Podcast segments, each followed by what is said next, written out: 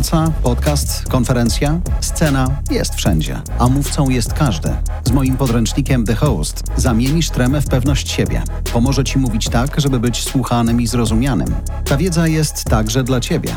The Host kupisz na stronie Voice House Academy. Link znajdziesz w opisie tego odcinka. To jest seria Ukraine in Brief Weekend Edition. Opisujemy wydarzenia od 15 do 21 grudnia 2023 roku. Bruksela podjęła historyczną decyzję. Ukraina rozpocznie rozmowy o wejściu do Unii Europejskiej. Przywódcy UE zgodzili się na rozpoczęcie negocjacji akcesyjnych z władzami Ukrainy i Mołdawii. Premier Węgier tuż przed rozpoczęciem obrad sprzeciwiał się jakimkolwiek rozmowom z Kijowem. W czasie głosowania opuścił jednak salę obrad, żeby umożliwić jednogłośną decyzję. Rząd ukraiński zacznie niedługo konsultacje z Komisją Europejską, żeby ustalić dalsze kroki. Oporu premiera Węgier nie udało się jednak przełamać w kwestii dodatkowych pieniędzy na wsparcie Kijowa. Unia nie podjęła jeszcze decyzji, czy przyzna Ukrainie w przyszłym roku 50 miliardów euro pomocy. Przywódcy państw członkowskich mają wrócić do tego tematu w styczniu. To kolejne uderzenie w Rosję. Unia Europejska przyjęła 12 już pakiet sankcji. Nowy pakiet obejmuje m.in. zakaz importu rosyjskich diamentów. Sankcje wprowadzają też ograniczenia na kolejne towary, które mogłyby wzmocnić pozycję Rosji. Chodzi głównie o sprzęt technologiczny i części maszyn. Ukraińska armia chce dodatkowej mobilizacji.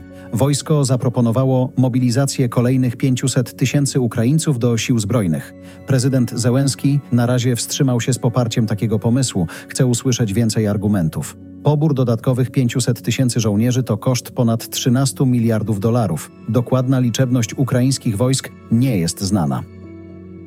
Nie ma teraz podstaw do negocjacji pokojowych z Ukrainą, mówi Kreml. Zdaniem rzecznika Kremla proponowany przez Kijów plan pokojowy jest wadliwy, bo nie uwzględnia interesów Rosji. Formuła pokoju prezydenta Zełenskiego zakłada całkowite wycofanie wojsk rosyjskich, zaprzestanie działań wojennych i przywrócenie granic Ukrainy.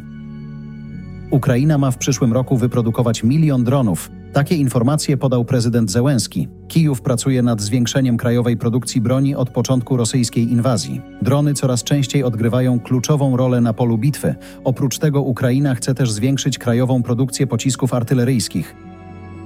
Ukraińcy po raz pierwszy oficjalnie będą świętować Wigilię 24 grudnia. Po inwazji Rosji na Ukrainę władze w Kijowie zdecydowały się odejść od kalendarza juliańskiego i obchodzić święta tak jak wyznawcy Kościoła katolickiego. Większość Ukraińców jest wyznawcami prawosławia. Zmiana kalendarza ma być symbolem zerwania z rosyjskimi wpływami. To była seria Ukraine in Brief Weekend Edition.